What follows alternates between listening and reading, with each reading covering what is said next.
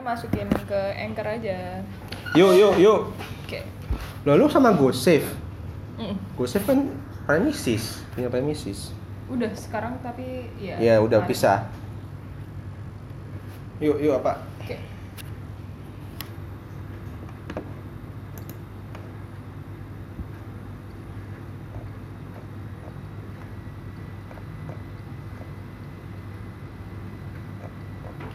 Oke Oke, assalamualaikum warahmatullahi wabarakatuh. Waalaikumsalam warahmatullahi wabarakatuh. Jamaah, Asyap.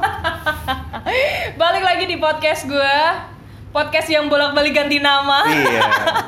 Sungguh tidak punya kepribadian, Labil banget. kepercayaan ya. diri. Sekarang namanya apa emang? Gue kasih nama sekarang podcast sekarang udah besok. Wah, Eh, Soalnya gue kayak denger podcast podcast be- besok sen- apa be- podcast awal minggu, podcast besok Senin, Iya, iya, podcast iya. kayak gitu. Cuman kalau gue emang suka podcast sekarang udah besok. Sekarang udah besok tuh pada dasarnya adalah momen eh, tengah malam gitu. Kesannya biasanya gue record tengah malam dan gue biasa punya kebiasaan di gunung. Kalau di gunung tuh selalu ngingetin kalau udah lewat jam 00 nih, eh sekarang udah besok, Waduh. cie. saya juga akan bikin nanti podcast. Sekarang udah nikah. Wah. Yang sebelah saya belum. Iya. Yang sebelah saya belum. Besok saya nikah ya. Iya. Kalau sebelah saya sekarang sudah putus. Waduh. Putus apa nih? Putus komitmen. Astagfirullahaladzim Jalanin aja kagak Lu nggak memper- memperkenalkan diri gua ke Yo iya pendengar santai lu. dong, santai dong. Iya. Karena kali ini kita kedatangan tamu besar. Wah. Besar banget sih. Saya sudah turun 4 kilo ya. Su tolong, tolong. Oke oke oke. Bulan ini saya sudah 100 kilo lari. Masya Allah. Berat awal lu berapa? Waduh. Langsung, langsung, langsung, langsung. Tidak penting. Kenalin ini soib gua. Waduh. Iya iya. Tidak merasa sohib saya. saya hanya di mau ke sini karena ada peluang untuk fame, popularitas dan pundi-pundi uang. Iya, iya, buat Hmm. pendengar-pendengar gue bakalan eh, ini ntar lu bagi-bagi kartu nama. Boleh, boleh. Yang butuh-butuh MC boleh. Iya. Kenalin dong, lu, lu siapa? Nama asli apa nama ini Samara nih? Samara Nama aja ya? Samara. Iya Samara aja ya. Samara Amani. Wah. Kayak penting. Eh, siapa Aku nama lu? cinta Grace Natali. Halo Gua- Samara Amani. Gua gua Kania Cita. Wah. Gua Boy William. Oke. Iya. Jadi nanti biar pendengar lu penasaran dong siapa sih Boy Siapa William? Boy William? Iya. Ternyata Morgan. Wah. Sampah banget. Sampah. Ya Allah. Sampah.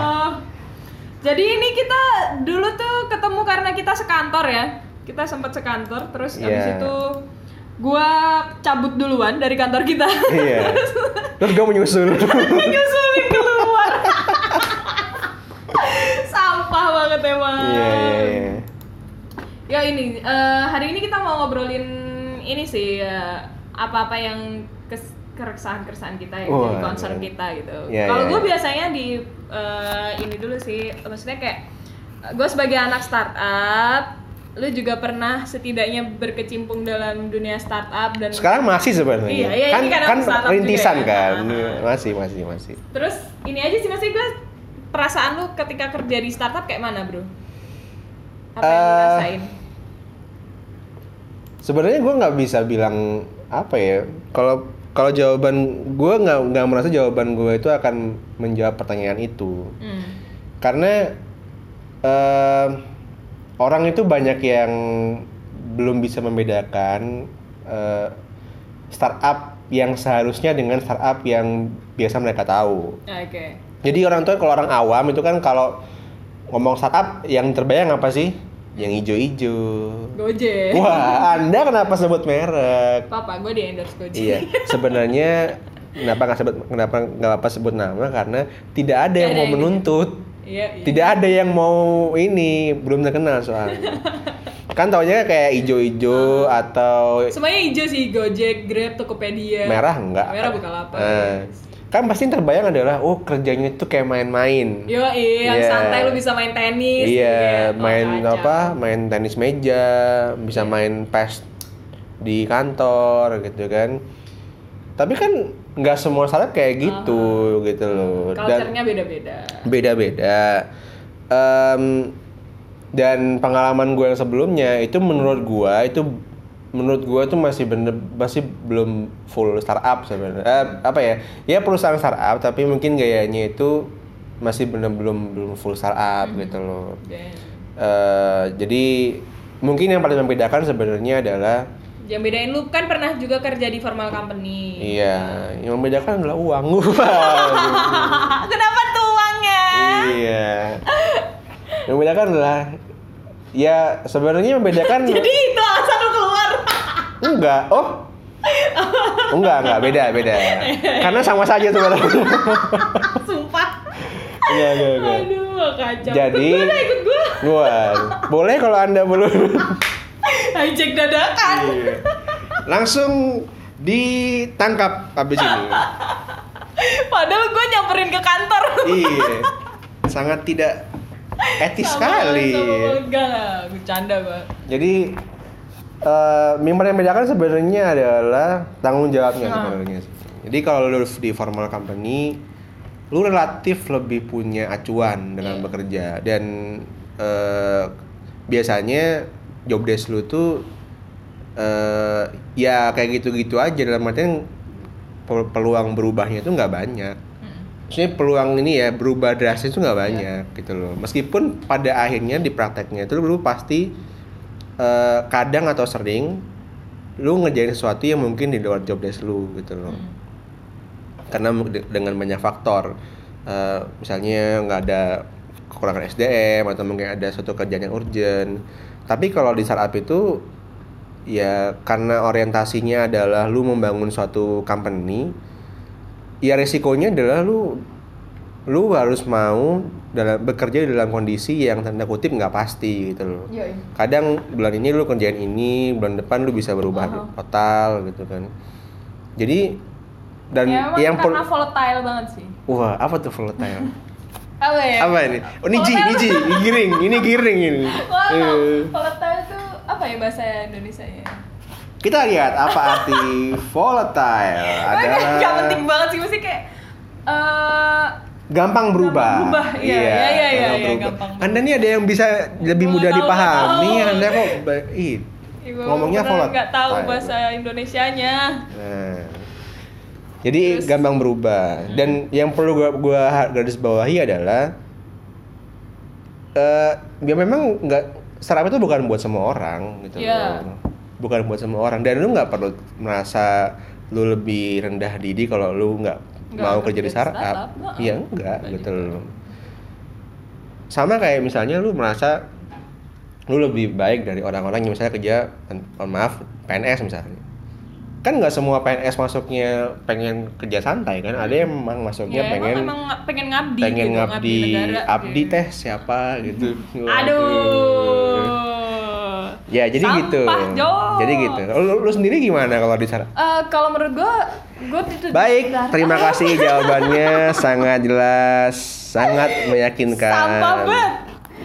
Enggak sih, mungkin eh, beda startup beda culture-nya sih ya. Maksudnya, Iya. Kalau menurut gue bukan bukan bukan startup doang, per company juga punya culture-nya masing-masing. lu udah berapa kerja berapa di berapa company startup Gue mulai startup tuh 2016. Hmm, Gue sama temen gue bikin Taponesia sampai 2017.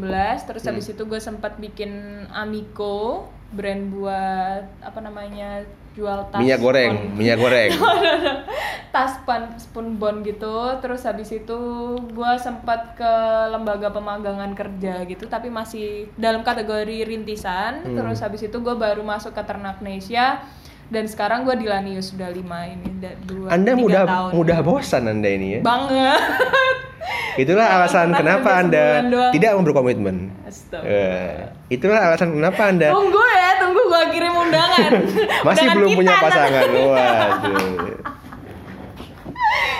dan dari lima tempat itu lu mer- merasakan perbedaan Oh budaya banget. Eh, Apa eh, yang paling membedakan? Per culture itu beda. Jadi kalau misalkan mungkin eh, jadi kalau kita memahami budaya itu kan terbentuk dari kebiasaan orang-orangnya di dalamnya juga kan. Ya, sama dalam berkebudayaan kita dalam bermasyarakat di dalam sebuah organisasi di dalam sebuah institusi perusahaan itu pun sama gitu loh. Jadi kalau mungkin eh, culture-nya kalau misalkan gue di dulu Taponesia masih ini ya masih anak-anak kuliahan, Hmm. masih mahasiswa, pas masih ini Masih ya, jadi ya, idealis. heeh, masih idealis terus Kita akan itu- merubah dunia. Ya, eh, terus jadi nggak nggak mikirin duit, jadi maksudnya kerja ya nating tulus aja, berangkat ke sini sini, nemuin siapa siapa ini ya nat- nating tulus aja karena emang beneran pengen mengusahakan produk yang kita bangun gitu. Terus ada yang gue pernah ngikut orang juga ya di startup itu yang kita habis meeting, terus habis itu party karaoke ya. Culture-nya kayak begitu. Itu yang mana ya? Itu yang mana ya? Aduh, sampai kalau misalkan eh, selesai ada yang culture-nya habis habis meeting kita karaokean, habis meeting kita pengajian Wah. juga ada. Semakin jelas. Semakin jelas. Aduh, ada juga yang di tengah-tengah meeting kita main game Wah, juga ada. Iya, iya, iya. Culture-nya kita di tengah-tengah kerja mainin orang gitu juga. Inilah bukti bahwa saudara yang di sebelah saya ini memang tidak pernah menganggap serius sebuah hubungan. ya, Dia tadi bilang mempermainkan perasaan dengan tertawa-tawa. Ya. Iya, sangat-sangat kejam. Ya Allah, kagak gitu juga kali gue bercanda. Ya ampun dah. Ya gitu Nah, sih maksudnya. gitu. em, beda, mungkin beda culture-nya aja sih. Jadi ya tapi kalau misalkan gue mungkin karena di startup itu memang mengajarkan gue untuk struggle sih. Jadi gue Hmm. suka dengan kata-katanya Jack Ma. Jadi em, menurut Jack Ma itu usia yang masih 20-an gini karena emang masih labil lu mending kerja dulu, jangan bikin startup dulu kalau gue pribadi ya. Hmm. Maksudnya bukan gue yang menginisiasi langsung gitu loh tapi lu coba gabung dulu di sebuah company yang mana company-company yang mungkin masih small dan di situ lu ngelihat siapa leadernya jadi gue Hmm. setiap kali masuk itu ngelihat dulu siapa leadernya Jadi Anda ketika memutuskan untuk pindah ke tempat Anda sekarang, Anda tidak puas dengan leader yang sebelumnya. bukan begitu Eh. pak tapi kalau misalkan gue yang pindah yang terakhir ini karena emang sama teman lama gue jadi yang startup gue yang pertama tuh tahun aw- awal kali banget gue kenal startup yaitu gue lagi ngerintis sama temen gue gitu loh. Dan gue ngerasa kayak dua tahun kemarin itu gue udah belajar kan udah banyak belajar. Terus habis itu sekarang ya udah dari sedikit ilmu yang gue dapat itu gue implementasiin buat produk gue buat startup Hmm. gue yang dulu gitu. Ya, ya, ya. kayak gitu. Dan dan sekarang pun pola pemikiran gue udah berubah. Dulu ketika startup tuh masih sangat idealis maunya kayak gini kayak gini gini gini gitu. Ternyata dunia berkehendak lain bro. Maksudnya kayak ya harus harus realistis lah gitu jadinya sekarang pola pikir pun udah berubah gitu Iya, cara Anda butuh uang Anda itu. ya, ya butuh ya uang Anda itu. Buat startup sih gitu Iya. ya kayak gitu gitulah Terus, terus terus, terus terus. nah mungkin eh, kita bahas-bahas tentang startup startup gitu ya Yuk. gue pernah ini nggak eh, mungkin yang baru-baru ini kita lihat lo ada apa namanya yang lo lihat Tinku Better Tinku Better Oh, ini Grab Incubator. Om Luhut Iya. Kenapa dia di situ ya? Terus jadi storynya katanya Om Luhut itu Om Luhut sih saya Eh. seakrab banget gue Opung. Opung, opung, opung, Opung. Om Luhut, Om Luhut tuh abis abis acara apa Nggak gitu. mungkin inyi kan? Hmm. Gue udah lupa struktur ini. Wah, nama-namanya. sudah lama Iya. melupakan yang nama. Wah. Iya, astagfirullah. Gak, gak, gak, gak. Jadi si eh, Bapak Luhut ini habis acara apa gitu loh yang se-ASEAN, Asia, se-Asia gitu. Terus dia ngobrol sama foundernya Grab. Nah, Oh. terus gimana sih cara pokoknya ngobrol-ngobrolin tentang startup, gimana sih cara ngembangin startup kayak gitu. Terus nah besoknya dia ketemu terus habis itu dibawalah ide itu untuk didiskusikan dengan tim, akhirnya kebentuklah Think Better. Karena Think Better ini hitungannya cepet banget gitu loh. So kayak gue dulu ikut kompetisi Next Dev bentukannya Telkomsel 2016. Jadi pada tahun itu gue startup gue ikut di kompetisi sebelumnya itu Sosio Digi Leader itu bentukannya Telkom. Hmm. Jadi eh, Telkom tuh punya Sosio Digi Leader, terus habis itu di tahun yang sama Telkomsel bikin program yang sama, program kompetisi untuk startup namanya Next Dev. Nah ternyata yang booming itu Next Dev. Nah di tahun gue Next Dev itu tahun 2015 mu- udah ada. Jadi mulai rame di situ tahun ya startup kan rame 2014 ya, 14 15 itu kayaknya baru rame. Gojek pun baru hype itu 15. kan 15 kan. Ya, itu itu mulai rame-rame terus habis itu bermunculan startup-startup dan gue pernah beberapa kali ikut kompetisi sih. Kompetisi startup kayak gitu. Nah, terus menurut lu sehat gak sih sebenarnya startup-startup yang terlahir dari kompetisi-kompetisi gini? Sama kayak artis-artis yang keluar dari Indonesian Idol, jebolan-jebolan kayak gitu gitu. Seperti kayak gitu Avi. ya. Avi. Mama Mia, Iya. Idola Cilik, Wah. kayak gitu. Menurut Dai, kayak mana? Dai Junior. Apa? Sehat gak sih dari startup-startup yang lahir dari eh, kompetisi-kompetisi kayak gini? Eh, ya so-so sih. So-sonya mana? so-sonya itu karena So so so nice. waduh. Gak- aku jadi penting. aku jadi mual. Hmm. Iya. Sosoknya itu adalah karena eh, pertama gini, bagi si startup eh, ya jangan ngerasa kompetisi itu jadi satu jadi satu pencapaian gitu loh. Artinya lu bikin startup atau lu ngembangin perusahaan lu ya orientasinya bukan, Bukan pengen juara menang gitu. lomba, bukan juara. Karena lu entrepreneur bukan lomba trainer. Waduh, Anda nyinggung, nyinggung siapa Anda ini? Kagak nyinggung siapa-siapa gue mah. Wah, iya. Yang merasa tersinggung ya sorry sorry maaf. Wah. Ya.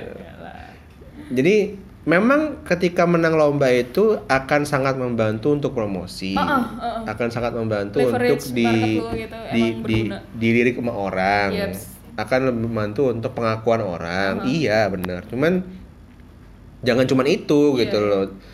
Ya memang pada akhirnya yang harus di bener, yang jadi core-nya core to the core, wah itu adalah bisnisnya sendiri gitu loh. Em, dan yang kedua adalah jangan terlalu nggak kalau udah masuk ke kompetisi gitu ya atau udah masuk ke inkubasi kompetisi gitu jangan terlalu ngarepin si inkubatornya. Ya, Heeh, jangan terlalu berharap aku kok tidak didanai iya. aku kok tidak dimentori? Heeh. gitu kan. Anda ini siapa? Gini loh. Gini loh.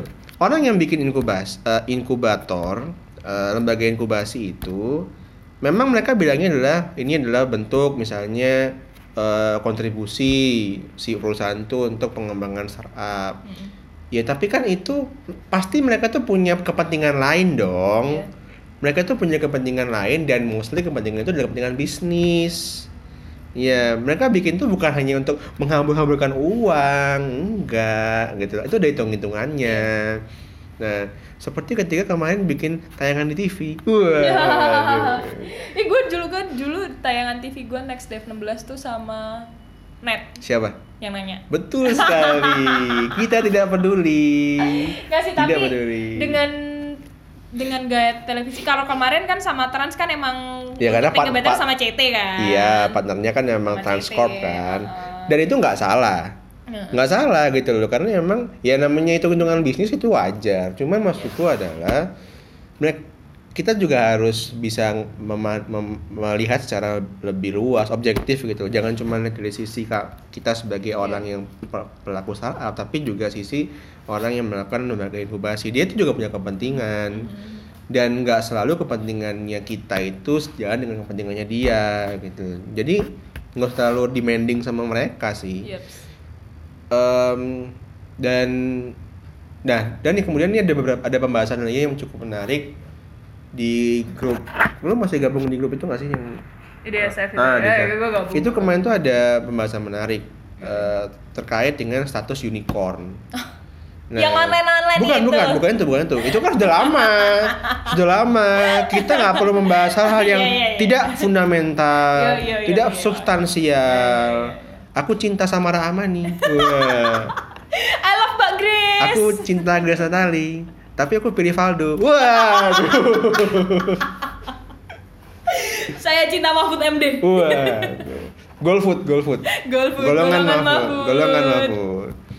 Jadi Ya, gimana? pembahasannya itu adalah kak kayak kok kayaknya itu sekarang banyak orang yang berlomba-lomba itu ingin mendapat pencapaian unicorn Iya, jadi target gitu ya. target gitu jadi North jadi Star-nya kayak semacam eh prestis gitu loh. Aha. Kalau perusahaan udah mencapai unicorn itu kayak menjadi satu simbol kesuksesan.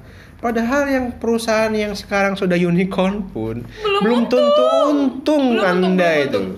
Even Grab yang di Dakorn, dia belum Dekakorn. di dak Ya kalau dakor kan permainan zaman dulu. Dakorn. itu belum belum ini. Belum, Belum. profit yang Nah. Jadi perlu diakui apa tidak, Hmm. bisnis startup itu memang bisnis yang lain daripada yang lain gitu loh. Iya. Maksudnya model bisnisnya itu nggak sejelas unique dan every single startup have their own business Iya, is heeh. totally different with others terus kayak apa ya maksudnya eh nggak ngerti gue bahkan sekarang gue eh, e-commerce ya ngomongin e-commerce Bukalapak, Tokopedia, Hmm, Shopee itu malah yang muncul gimmicknya jadi kebanyakan gimmicknya jadi bukan belanjanya gitu Iya. Shopee sepuluh ribu. Waduh. Terus kayak Tokopedia kemarin punya yang kayak ek apa mecahin poin kayak gitu-gitu. Jadi ada ada hal-hal yang kayak gitu gitu loh. Jadi bukan maksud gue kayak layanan utamanya kan sebenarnya adalah layanan e-commerce buat Hmm, jual beli hmm, gitu hmm. loh. Tapi sekarang tuh malah banyak like, gimmick-gimmicknya kayak gitu, flash sale, flash sale, semuanya Iya, pakai flash iya. sale kayak gitu. Jadi yang dan itu tuh ngebakar duitnya tuh banget banget gitu. Banget banget. Gila sih. Nggak, Iya. nah gue yang jadi khawatirnya gue adalah ketika startup ini semakin banyak diinjek dananya, terus bahkan sampai unicorn, dedacorn, itu, itu kan eh, salah satu acuannya kan suntikan dana yang masuk tuh. Hmm. Nah, ketika itu suntikan dana tapi pengelolaannya itu hanya untuk biaya marketing, subsidi-subsidi untuk pemasaran, untuk kayak gitu, itu bakalan jadi bubble gitu loh, Bro. Paham gak sih kayak ketika lu inject terus habis itu ya it works tapi nggak nggak tahu buat tujuan tujuannya kayak mana. Apakah emang masih akuisisi user? Tapi ak- ka- soalnya kalau strategi marketing itu kan untuk akuisisi user nih. Hmm. Akuisisi usernya tuh sampai mana gitu loh.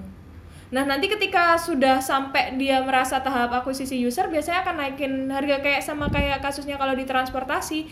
Gojek ketika naikin harga itu kan dia akuisisi akuisisi ngasih promo promo promo jadi semakin banyak user yang make nanti Hmm. setelah diakuisisi udah dapat ini eh, mungkin di tarik siapa yang jadi loyal customer nah tapi ketika setelah itu kan ada peningkatan harga sempat rame tuh ketika harga Gojek naik Hmm. nah kayak gitu tuh udah langsung orang-orang kan demo drivernya demo kayak gitu gitu Iya iya iya. isu-isu apa dampak-dampaknya adalah bukan hanya dampak itu aja tapi dampak sosial yang dibuat gitu loh kalau menurut gua eh ya mungkin ini sih perlu perlu diwaspadai. Untuk startup gua sendiri aja gue sangat melindungi. Jadi selama ini dua tahun di startup gue yang baru ini dua tahun lebih hampir tiga tahun ini bootstrap. Hmm. jadi beneran duit sendiri modal ngebakar duitnya founders kita duit kita kita juga gitu. Maksudnya ya karena gue ngelindungi sekali untuk investor masuk. Jadi karena menurut gue eh, ketika masuknya seorang investor itu baik bentuk angel investor kah atau venture capital kah itu akan mempengaruhi decision lo dalam membuat kebijakan di startup lo Hmm.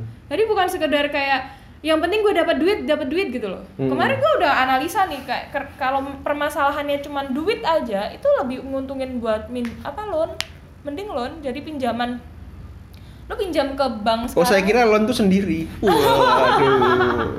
ah kacau. Jadi kayak mending cari pinjaman kayak gitu kalau cuma butuh duit. Nah kalau misalkan concernnya adalah untuk investor itu biasanya karena ada emang mentoring mungkin atau inkubasi dan lain-lain kayak gitulah. Itu pertimbangan-pertimbangan yang menurut gue perlu dipikirin. Jadi ada yang teman gue startup yang baru banget yang ya masih belum ini ya mulai startup yang biasa ya bukan bu- bukan berarti digital juga. Jadi dia eh, ada yang mau ngasih cuman berapa puluh juta tapi mau ownership 30 sampai 50 persen gitu. Buat eh, temen gue ada yang lagi usaha kopi. Hmm. jadi bikin produk kopi kayak gitu-gitu. Jadi dia lagi butuh duit. Terus gue bilang lo nyari duit nyari investor itu pertimbangannya banyak gitu loh. Nggak cuman sekedar duitnya aja. Kalau lu cuman mau duit lo pin cari pinjaman aja Iya. gitu loh kalau dia Karena lu kalau nyari kalau lu nyari duit ke investor kan ada kepentingan yang ditukar juga kan. Ada kepentingannya Hmm. itu. Dan itu yang harus di ini nah kalau gue sekarang sih di startup gue mungkin ini sih idealismenya dari founder gue jadi pas mau dapat investor tuh ya idealisnya dia punya kriteria untuk jadi investornya. Dalam artian eh, kalau misalkan sebenarnya kalau temen gue sekarang itu lebih prefer kalau misalkan muslim gitu kan ya Hmm. karena eh, ya duit yang dikasih dia digunakan untuk operasional yang diberikan untuk gaji karyawan juga yang akhirnya dimakan sama semua karyawannya Iya. juga gitu kan jadi Aku cinta yang halal. Aku subscribe yang halal. I love MUI I love MUI. Semua yang halal saya pakai. kayak gitu gitulah terus eh, ya idealis idealis kayak gitu nah menurut gue itu penting sih dan eh, ini juga sih kebanyakan kan di temen-temen ini yang startup itu masalah tentang final knowledge-nya ini masih ini Wih. masih mungkin ada beberapa yang emang udah Melek. ya melek ya tapi Hmm. banyak yang nggak meleknya itu justru yang ditakutkan adalah ya udah asal dapat duit asal dapat duit gitu Hmm, gue ke venture capital aja ngelindungi banget karena dia biasanya ngambil share-nya itu gede banget menurut gue 15% itu buat venture capital itu Udah gede. loh. Biasanya mereka minta berapa sih? Tergantung kelasnya di startup lu sih udah masuk series kah Oh. atau masih pre stage itu 15 kalau masih pre stage banget itu 15% tuh masih ngasihnya di around 1 M gitu under atau around Hmm. segitu menurut gua Lu sekarang udah gede masuk banget. eh VC apa angel? Bootstrap totally bootstrap, Masih bootstrap. Dan ini mau approach ke beberapa investor jadi kemarin eh, abis acara yang kemarin acara Kemenperin di ITS itu Hmm. di Surabaya Hmm. itu juga ada investor yang minat gitu terus Hmm. gue sempat ke Jakarta beberapa kali eh, ke angel investor ada yang minat ke venture Hmm. capital pun kita ada yang minat tapi ya itu gue ngasih tahu temen-temen kita semua di startup bahwasanya konteks kita itu apa dulu gitu loh kebutuhannya itu sekedar uang kah atau emang kebutuhan yang lain-lain jadi harus ditimbang-timbang juga gitu Aku kemarin juga ketemu yang angel-angel itu. iya Vanessa Angel. Wah. 80 juta lu dikasih. Iya. Wah. sampah ngasih berapa persen iya. Itu gue baru tahu orangnya siapa tuh setelah ada kasus itu. Sumpah. Ini siapa sih? Gak tahu siapa. artis lama emang lama sih FTV. iya artis FTV eh, rugi. Kita tidak min- nggak nonton TV, sorry. sorry YouTube YouTube lebih Saya lagi. hanya nonton TV setiap hari Minggu pukul setengah sembilan dan setengah sebelas. apaan Doraemon dan Kapten Subasa. ada Cibi Maruko-chan sekarang Ada di TV. RTV. iya Ada juga di RTV sekarang banyak tokusatsu bro. Iya. Ini nggak penting, Gak sesuai dengan topik yang anda bahas. Yo yo yo yo yo yo yo. Nah, cuma cuman itu bener masalah funding funding jadi gimmick. Ah. Lu kemarin lihat kan yang lu main lihat nggak yang yang di TV lihat inkubator. Uh. Itu kan ada gimmicknya kan. Lu habis live pitching, lu dikomentarin, terus lu dikasih langsung di ini kan. Lu mau dikasih uang berapa gitu loh. Ya kan jadi kayak gimmick gitu loh. Eh uh, gua pernah ngerasain itu bro dan itu Hmm. asli udah Setting. ada skrip kalau misalkan pa- parah sih gue dulu kompetisi yang dulu yang sempat disiarin di TV itu kan juga ya elah gue ngerasa kayak ribetnya orang syuting gue yang ngetek muka gue doang yang munculnya tuh akhirnya cuman semenit doang itu tag-nya udah eh, hampir setengah jam gitu kita Hmm. ngobrol terus habis itu dibilang mbak tag ulang bocor cuman Uh. gara-gara gue pakai kerudung hitam jadi mukanya gelap terus habis itu disuruh ganti baju Waduh. parah itu untuk startup gitu loh maksudnya untuk Ya, ya, kompetisi ya, startup ya. yang kita notabene ini nah kalau misalkan udah masuk ke media televisi itu sebenarnya lebih ke ya emang gimmick Hmm. karena itu setting bahkan krunya itu ada yang bilang bang nggak ada yang cinlok cinlok gitu Waduh. Ini bukan termehek-mehek. asli dibikin gitu Iya. karena gue dulu kan pas masih apa namanya ada inkubasi gitu kan ada Hmm. materi kayak gitu gitu ya udah gitu kayak eh bikin bikin kayak gini gini terus ya kayak anak-anak kan pada nggak ada yang iniin Ya, ya males lah kita kita ke iya, kompetisi iya. startup bukan kayak audisi audisi alay gitu kan Itulah mengapa pendidikan tuh penting. Karena kenapa stasiun TV seperti ini bikin-bikin gimmick, cinlok-cinlok, lalu ket- kemudian ketemuan selingkuh. Karena peminatnya tuh Iya, karena banyak. di situ lu dapat viewers ini apa namanya Tapi serius bener loh, bener loh. Gue tuh minggu lalu kan Senin gue nggak masuk sakit kan ya. Mm-mm. Jadi gue di rumah. Jadi gue tahu acara TV jam-jam 1 2 tuh apa. Itu sinetron nggak jelas. isinya ada wajah tertukar iya wajah kembar Lu nonton sinetron Indosiar? Enggak tahu apa tuh. azab-azab. Enggak, enggak, enggak. Itu tuh Azab semen. SCTV kalau nggak salah. Oh, SCTV. Gue kalau SCTV itu sine- sinetronnya ini Cintaku di Kandang Kambing. Waduh. Jadi tolong perbanyak membaca buku, perbanyak membaca riset-riset, jurnal, Iya, iya. skopus-skopus. Oh, Nah, iya. tolong edukasi diri, diri Anda. Jadi orang ini smart people dong. Iya. Hello smart people. Wah. Halo Deddy Kobusher. Aku cinta hitam putih. Hmm. Yo yo iya. Kalau di TV rusak semua. Wah. Nggak sih. Nah, ngomong-ngomong kepentingan-kepentingan nih kayak gitu. Di akhir-akhir ini gue ngerasa nggak tahu sih startup kan emang lagi hype ya. Nggak tahu di debat bahkan debat capres mulai debat pertama, Hmm. debat pertama sampai debat kemarin itu masih ngomongin startup. Ya. Lo tau gak sih? Nyadar gak sih? Hmm. Kayak debat pertama yang yang tadi kita singgung online-online gitu ya. Itu debat pertama. Itu ya? debat kedua. Kedua, kan? Debat pertama itu Debat pertama, debat pertama itu lebih seperti ini training, Training. seperti latihan sebenarnya, tidak penting sama sekali. Iya. Terus di debat terakhir kemarin yang Yai Ma'ruf sama Bang Sandi itu kan juga Yai Ma'ruf ngomongin tentang seribu startup tuh. Iya. Kalau Indonesia bisa bikin seribu startup dalam waktu berapa tahun dua tahun gitu kayak gitu itu dan Hmm. ya emang sekarang itu jadi hype. Terus ngomong-ngomong juga tentang Think Better, tiba-tiba juga ada sosok Bapak Menteri. Iya. Terus gue juga di beberapa ini Dan juga di beberapa waktu belakangan ini itu banyak acara yang bau-baunya itu 4.0. iya. Ya. 4.0 Persiapan 4.0. menghadapi industri 4.0. sampah banget sih Itu jadi kayak buzzword yang basi sebenarnya. basi banget Basi. basi Kayak banget. milenials. asli, gitu. asli. iya iya, iya. Basi Kayak banget. Tapi wajar.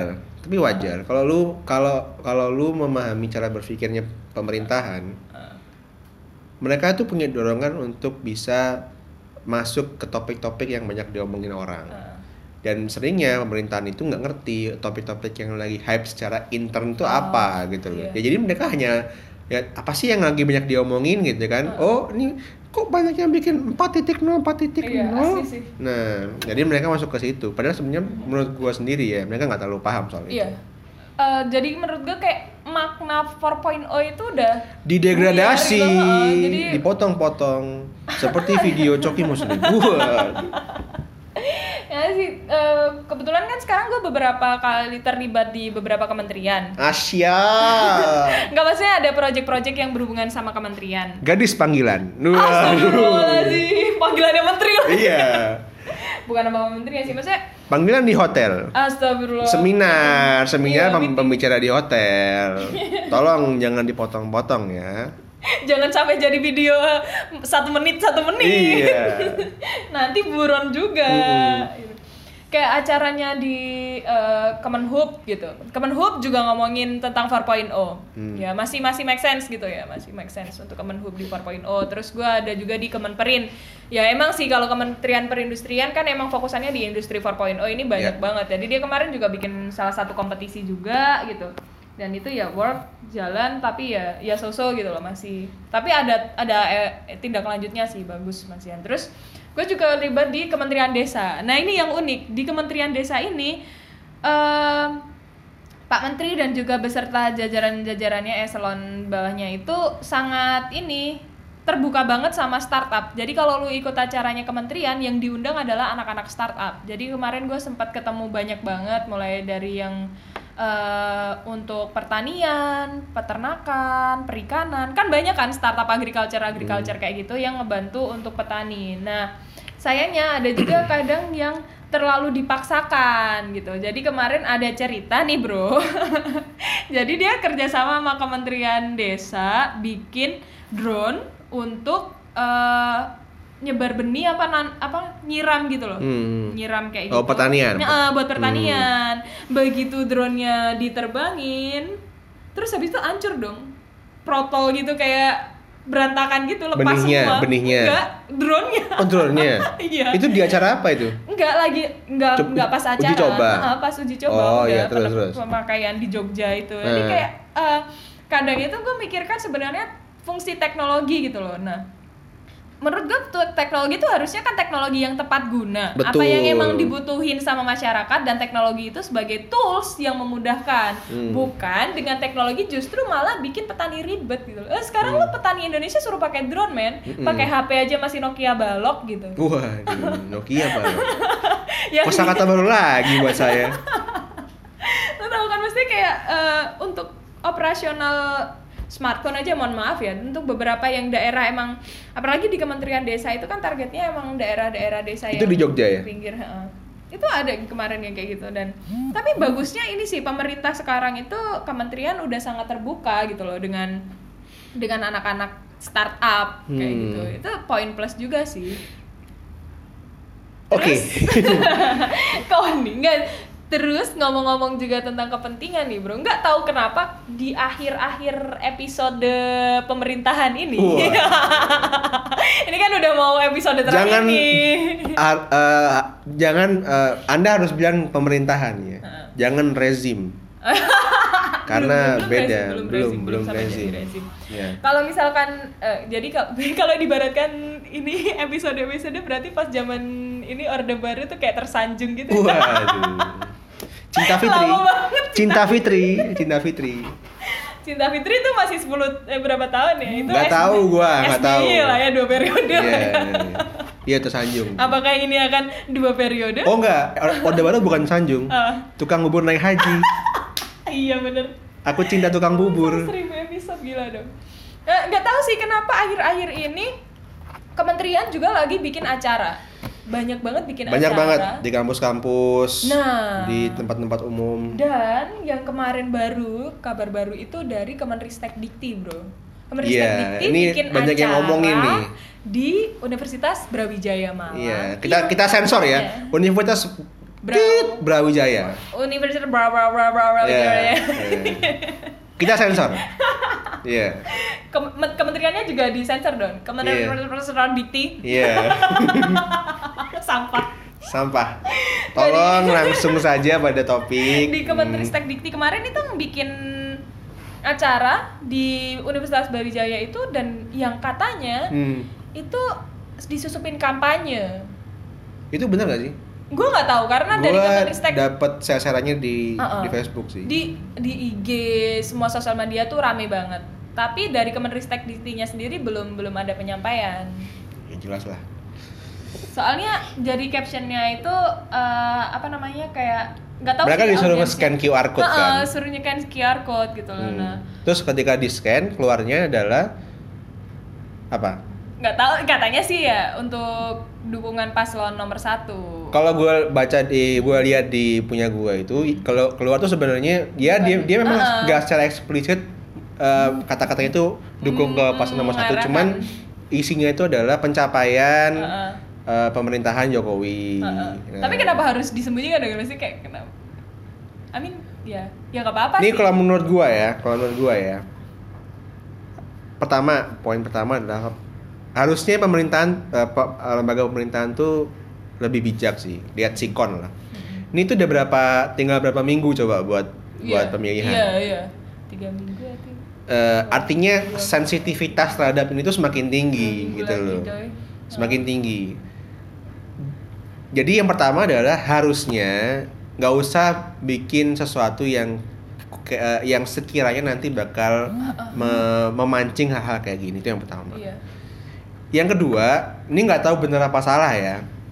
Kalau bener, kalau kalau bener emang ada kayak gitu, ya parah sih, parah gitu loh. Dan eh apa ya? Ini gue tuh gini, nih, gue tuh gue tuh jujur tuh punya keresahan besar terhadap pemilu kali ini gitu. Iya. Karena gue merasa tidak ada tidak ada satupun paslon yang benar-benar membuat gue yakin. Yaps. Nggak ada, nggak ada. Totally agree. nggak ada yang satu itu gue nggak yakin beres selama lima tahun ini Eh, meskipun banyak yang bilang ini itulah gitu loh ini itu Eh, entah ya gue sebagai orang awam tuh merasa banyak hal-hal yang aneh gitu loh selama selama eh, lima tahun Periode ini. Heeh. tapi di sisi lain eh, oposisi pun gue nggak gue gue nggak yakin juga gitu loh bisa bisa berubah gitu loh artinya nggak ada suatu gagasan yang benar-benar dari oposisi kedua calon loh ya ya It- eh, sorry kedua eh, sepasang itu yang benar-benar merasa membuat gue merasa bahwa oh ini tuh bagus Iya. gagasannya nggak ada gitu loh Kalau secara kasarnya menurut gue satu bacot satu omdo. Iya. yang satu bilang aku akan menikahi kamu, tapi nggak jadi-jadi. Iya. Yang satu ngasih perhatian tapi nggak mau. Iya. Wah. Dan salah satu yang salah satu yang bikin gua ragu pada petahana Hmm. ya yang kayak gini-gini gitu loh. Maksudnya Eh, banyak yang bilang gini, gini, gue nggak tahu ini benar apa salah ya. Banyak yang bilang salah satu faktor yang membuat orang itu antipati pada petahana adalah masalah kayak gini kayak permainan di belakang yang orang nggak tahu. Iya. Ya orang wajar nggak tahu lah ini tuh Iya. kalau beneran ini konspirasi itu kan dikuasai dikuasai sama organisasi besar kayak pemerintahan Iya. dan semua sumber daya, semua eh, apa materi, semua tenaga eh, SDM itu semua kalau semua dikuasai lu bisa apa gitu. Hmm. Cuman kalau lu lihat sekarang kayak ini nih kayak teman yang bisa dikti nggak tahu nih lagi bener apa salah ya. Cuman kalau lihat dari banyaknya yang nge-share di sosial media. Dan itu ada foto-fotonya. Hmm. ya wajar kalau publik itu bertanya-tanya gitu loh. Dan kalau kembali ke topik lu sebelumnya masalah orang sekarang startup 4.0 banyak happening. Hmm. gue takutnya ini hanya sebatas sebagai isu-isu yang lagi di yang lagi happening sekarang aja gitu Iya. loh bukan sesuatu isu yang memang fokus dikembangin dan diberkelanjutan gitu loh karena kan lu tahu sendiri kalau industri 4.0 eh, apa ini kan sebenarnya sebenarnya kan semua adalah hasil output dari hasil riset kan Mm-mm.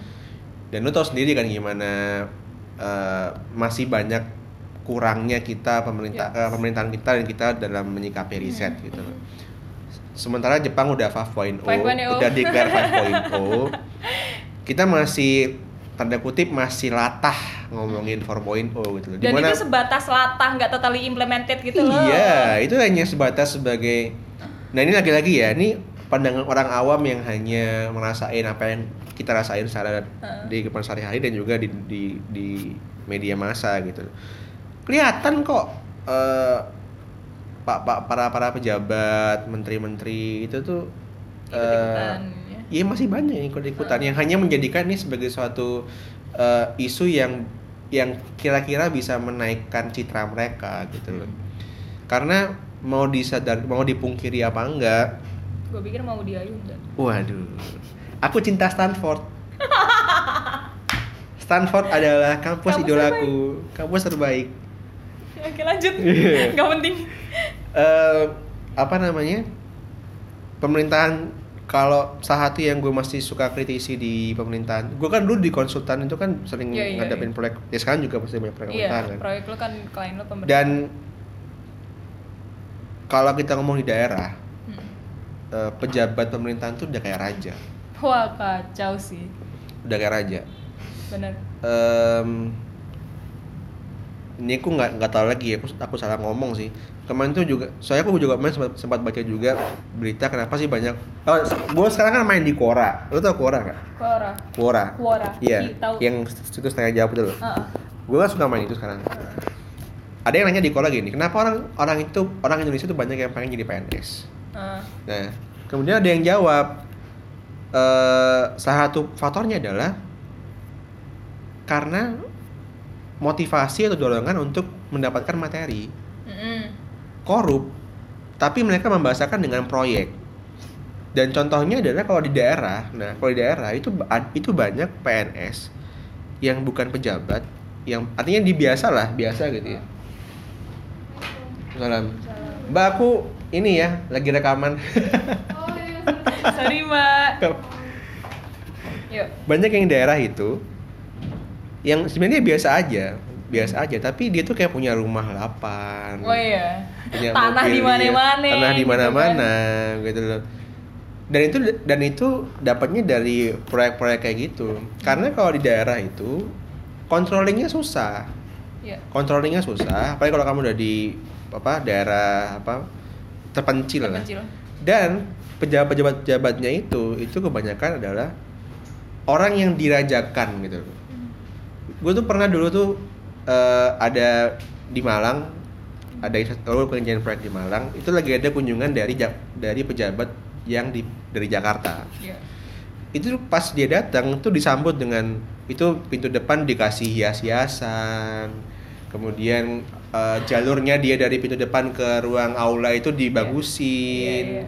terus ketika di aula itu dikasih persembahan kayak nyanyi-nyanyi Ah. paduan suara gitu menurut menurut menurut gue pribadi ya itu itu berlebihan Iya, too much.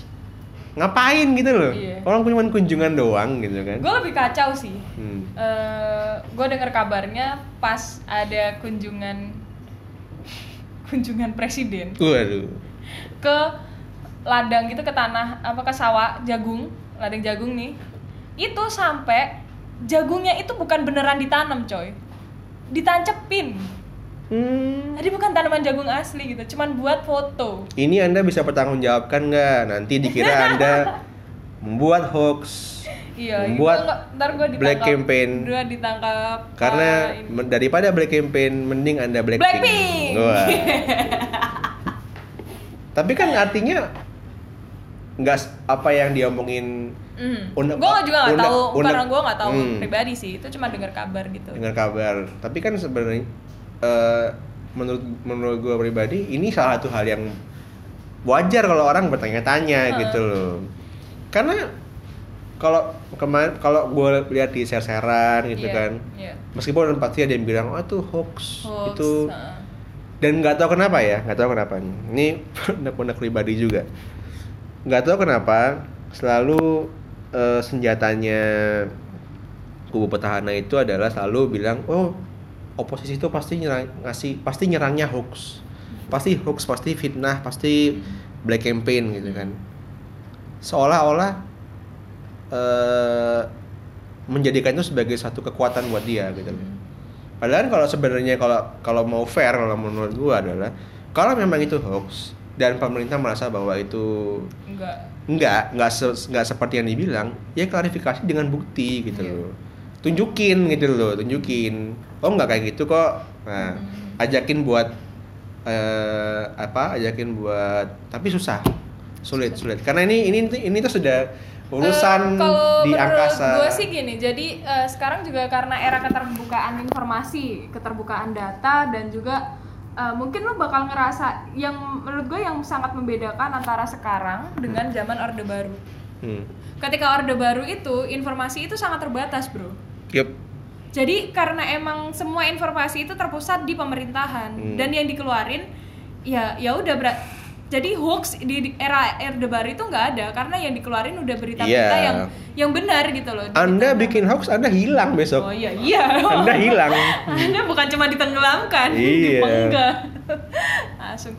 Nah, eh, jadi kayak pas zaman Orde Baru itu mungkin eh, informasi itu terpusat nih di pemerintahan nih Iya. dan yang ditahu misalkan nih kayak lu ngasih tahu ada sumber mata air gitu loh. Hmm. Jadi bukan cuman fata morgana. Hmm. Kalau sekarang kan kita ngelihatnya adalah fata morgana yang banyak gitu. Nah, kalau zaman dulu tuh semua informasi di mana ada sumber air tuh di pemerintahan semua dan pemerintahan ngasih tahu eh di titik ini ada sumber air. Hmm. Nah udah, ber- tapi beneran sumber air sumber air, tapi beritanya tuh masyarakat tuh nggak tahu kalau pemerintah nggak ngomong. Nah sekarang eranya adalah keterbukaan, semua data itu tersedia gitu loh. Nah akhirnya orang itu jadi bebas berargumen juga kan. Yap.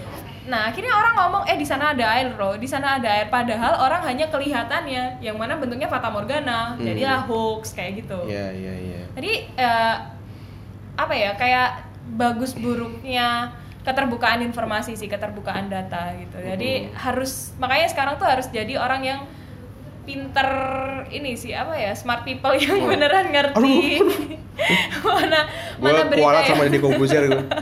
Hello, smart people. Beritanya ini beneran kah atau hoax kah gitu terus kalau ngomongin tentang campaign tadi hoax hoax itu masuknya ke black campaign ya mungkin ini juga yang eh, sambil mengedukasi juga bahwasanya positif campaign negatif campaign dan black campaign Hmm. jadi kalau misalkan hal itu fitnah bentuknya fitnah itu adalah black campaign ya, jadi Iya. ya nggak benar. Tapi kalau kita gibah, itu kan sebenarnya keburukan orang yang benar. Negatif campaign. Eh, itu negatif campaign. Negatif campaign. Gitu. Yang positif campaign. Nah sekarang itu yang disayangkan adalah sebenarnya negatif campaign tuh nggak apa-apa, karena itu Iya, beneran ada gitu. Nah caranya ya eh, dalam ilmu berdebat sih, gue dapat eh, insight banyak ber- eh, karena dulu dua debaters juga gitu Wah. kan.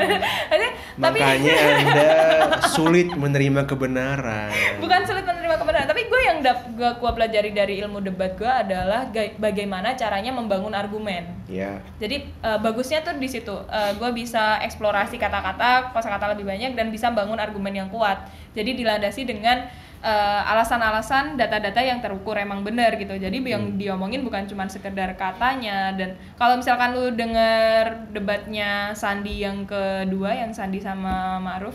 Kayak Ma'ruf. itu kan ya Yai Ma'ruf. Itu kan ada salah satu pendapat poli- tokoh politik yang menganggap kalau misalkan kalau cara pembawaannya Sandi itu mi teori Apa tuh meteori? Eh, jadi kayak semua sesuatu segala sesuatunya itu eh, perspektifnya dia aja kayak misalkan istri saya Eh. terus habis itu siapa Bu Is Eh. itu orang-orang yang nggak kenal gitu loh cuman Eh. berdasarkan experience-nya Sandi Iya, sendiri gitu jadi kayak segala sesuatu dikaitin dengan dirinya gitu jadi ya ya kalau misalkan di perdebatan itu sebenarnya nggak inian juga karena itu bukan basic knowledge yang diketahui semua orang Iya. Kayak gitu sih tapi secara inian tadi balik lagi ke keterbukaan informasi kalau menurut gua jadi sekarang di era keterbukaan informasi data semuanya tersedia jadi orang yang memilihnya mana memilih berita mana yang benar berita yang nggak benar dan saran bukan nyaran ya tapi menurut gua hoax itu eh, nggak apa ya emang sengaja pembuat hoax itu ingin mengacau ke tentraman dunia gitu sih kayak ngelempar isu-isu yang kayak gitu sih. Terus menurut lo kayak mana kalau cara memberantas hoax gitu? Bukan Wah. memberantas juga sih berat juga sih. Sulit. Kayak, uh-uh. saya kayak kalau menurut gue ya harus orangnya ini penerima informasinya ini yang harus bisa memilah-milah nih mana berita yang benar, mana berita yang hoax, mana berita yang salah gitu. Hmm. Sulit sih, karena ini multidimensi kalau menurut gua. Iya. Kalau menurut kalau menurut gua sendiri, iya karena masalahnya adalah informasi, Ah. karena keterbukaan informasi gitu loh. Em, kalau dulu, gue tuh masih ingat dulu waktu masih pertama kali di kampus itu di ospek, gue tuh selalu di, di, diomong, didorong untuk berani bersuara Iya. ya berani berpendapat berani bersuara cuman kalau menurut gue sekarang itu agak beda berubah bukan berani bersuara lagi karena semua orang sekarang berani bersuara Ya, kebanyakan Ya. suara, bacot. tapi harus bisa tahu kapan bersuara kapan Kapan. enggak dan Ah. apa yang disuarakan apa yang enggak disuarakan Heeh. Eh, ya karena itu faktornya adalah kita punya banyak tanda kutip pengetahuan kita banyak informasi yang masuk Hmm. ya, yang belum tentu benar belum tentu salah Hmm. Nah, makanya untuk cross check itu kan ada untuk meng-cross check informasi kan kita perlu validasi kan. Nah, itu ada beberapa yang kita bisa lakukan misalnya kayak cek siapa yang ngomong, kapan, objeknya eh, objeknya itu di mana, tempatnya di mana, konteksnya apa. Nah, dan itu memang nggak mudah karena kita dipungkiri apa enggak, kita yang yang kita lihat sekarang kan informasi-informasi pendek nih Hmm. Dalam baik dalam bentuk teks maupun dalam Video bentuk video iya. Hanya dipotong-potong sesuai. Instagram tolong videonya diperpanjang. Ya. betul. Kan ada IGTV Iya. ada IGTV ya tergantung kepentingan yang punya media kan. Kalau kalau kita bilang sekarang media nggak punya kepentingan itu naif sekali. padahal saya Silawan Seven. Waduh. Hmm. Malik Edition shows. waduh. Naif sekali. Nggak mungkin orang nggak punya kepentingan itu. Loh Pasti. pasti punya kepentingan Eh, jadi bagi kita sendiri eh, rakyat-rakyat jelata seperti kita itu yang bisa kita lakukan Sobat-sobat Queen. selain itu ya selain memvalidasi ya konsekuensinya kedua harus banyak ini sih banyak baca sih Mm-mm. Harus basic knowledge-nya harus iya bagus harus banyak baca sih Iya. Sih, Mat, Jadi- karena basicnya mungkin oh, kita tuh gini kalau gue lihat lihat di sebuah video eh, ada, ada sebuah video itu ada seorang tokoh. Gue Hmm. bukan mau sebut namanya ya. Iya, seorang tokoh yang bilang kayak gini orang Indonesia itu em, minat bacanya itu sebenarnya tinggi. Iya. tapi daya bacanya itu rendah. Oh. nah iya. maksudnya adalah seneng baca. Line Today, iya, kemudian Iya, Twitter, iya, iya, bacaan-bacaan Twitter, Ah, Instagram, kan baca kan mau kan. mau. Nah, tapi ketika disuruh membaca Karl Marx, waduh, Wah. apa? Des Capital, Des Capital. Ah, yang tebal-tebal. Nah, itu, aduh ini apa ya gitu. Jadi Iya. itu dan kita nggak terlalu bisa untuk baca. Mm. gue tuh soalnya menemukan itu ketika gue kan kemarin sempat pengen lanjut kuliah kan Mm. dan itu eh, kelihatan banget kalau di luar itu kemampuan membaca nulis Nulis. berargumentasi Ah. itu tuh penting gitu loh nah dan kalau lihat pengalaman teman-teman yang kuliah di luar juga itu ketika mereka bikin suatu tugas esai itu apa itu buku yang dibaca tuh nggak cuman buku-buku Iya. tipis yang ini buku-buku gede ya buku-buku tebel dan mereka harus punya kemampuan untuk bisa mensummary buku eh, bacaan yang sebanyak itu Sekarang ada yang bikin undang-undang sumbernya blogspot. waduh ini anda sudah mau merah ini ini anda ini Iya, iya. Iya. Iya, kan segera kita berapa sih kalau uncon Sejam sih biasanya. oh sejam oh, iya. itu yang pertama dari Ah. dari dari rakyat gitu tapi yang kedua yang nggak kalah penting adalah ini yang sulit sebenarnya ada inisiatif yang baik dari orang-orang yang punya kekuasaan baik pemerintah maupun swasta ya dan ini yang sulit gitu loh karena kalau swasta pasti kan bisnis Hmm. pasti kan nyari duit ya mau nggak mau mereka kepentingannya didasarkan oleh duit dong Hmm. ya itulah kenapa banyak sinetron sinetron yang aneh-aneh. Iya, Tapi iya. yang paling penting sebenarnya di pemerintah ini sebenarnya jadi kunci karena pemerintah kan harusnya mereka nggak nggak nggak pure nggak bukan bisnis kan Mm-mm. mereka itu pure menjalankan uh, negara. amanat undang sesuai amanat Iya itulah kenapa kalau sampai ini gue nggak tahu benar apa salah ya tapi kalau sampai ini dan sekali lagi pemerintahan tuh nggak cuma satu dua orang. Ini pasti pasti banyak oknum pasti Iya. banyak ini. Tapi saya sih berharap semakin banyak orang di pemerintahan itu yang bisa jadi pembeda lah. Maksudnya dia tahu mana yang benar dan mana yang salah. Dia punya prinsip lah ini kayak Iya. gitu. Jangan mau jangan jangan cuma disetir sama kepentingan golongannya aja. Luar biasa omongan saya sangat mencerahkan sih aku cinta mau dia Yunda Hmm. I love Stanford aku iya. juga Stanford Hmm. Ya sih, jadi pada intinya kita jangan terlalu banyak eh, isu-isu hoax ini ditanggapinya bukan hanya menyalahkan juga, tapi lu sendiri juga yang harus tahu eh, basic knowledge lu harus banyak juga pengetahuan pengetahuan lu. Jadi ketika lu mendapat informasi berita itu bisa menimbang apakah ini hoax, apakah ini benar dan lu bisa take decision yang bijak juga. iya luar biasa Anak muda sadar politik. waduh Kalau dia bisa diganti deh. Anak muda harus cerdas dalam segala bidang sih, nggak cuma politik dan lain-lain. Thank you banget bro. Mungkin udah sejam kita ngobrol. iya See you pan nggak kapan nggak lagi. terasa ya waduh Terima kasih yang udah mau mendengarkan sampai satu jam. Kayaknya nggak ada juga sih yang tidak sudah ada dengerin tidak ada anda harus membayar orang-orang buat jadi Untuk listener mendengar ocehan Anda. gue punya listener setia kok. waduh Thank you semuanya. See you pan kapan. Wah. Assalamualaikum warahmatullahi wabarakatuh. Waalaikumsalam warahmatullahi wabarakatuh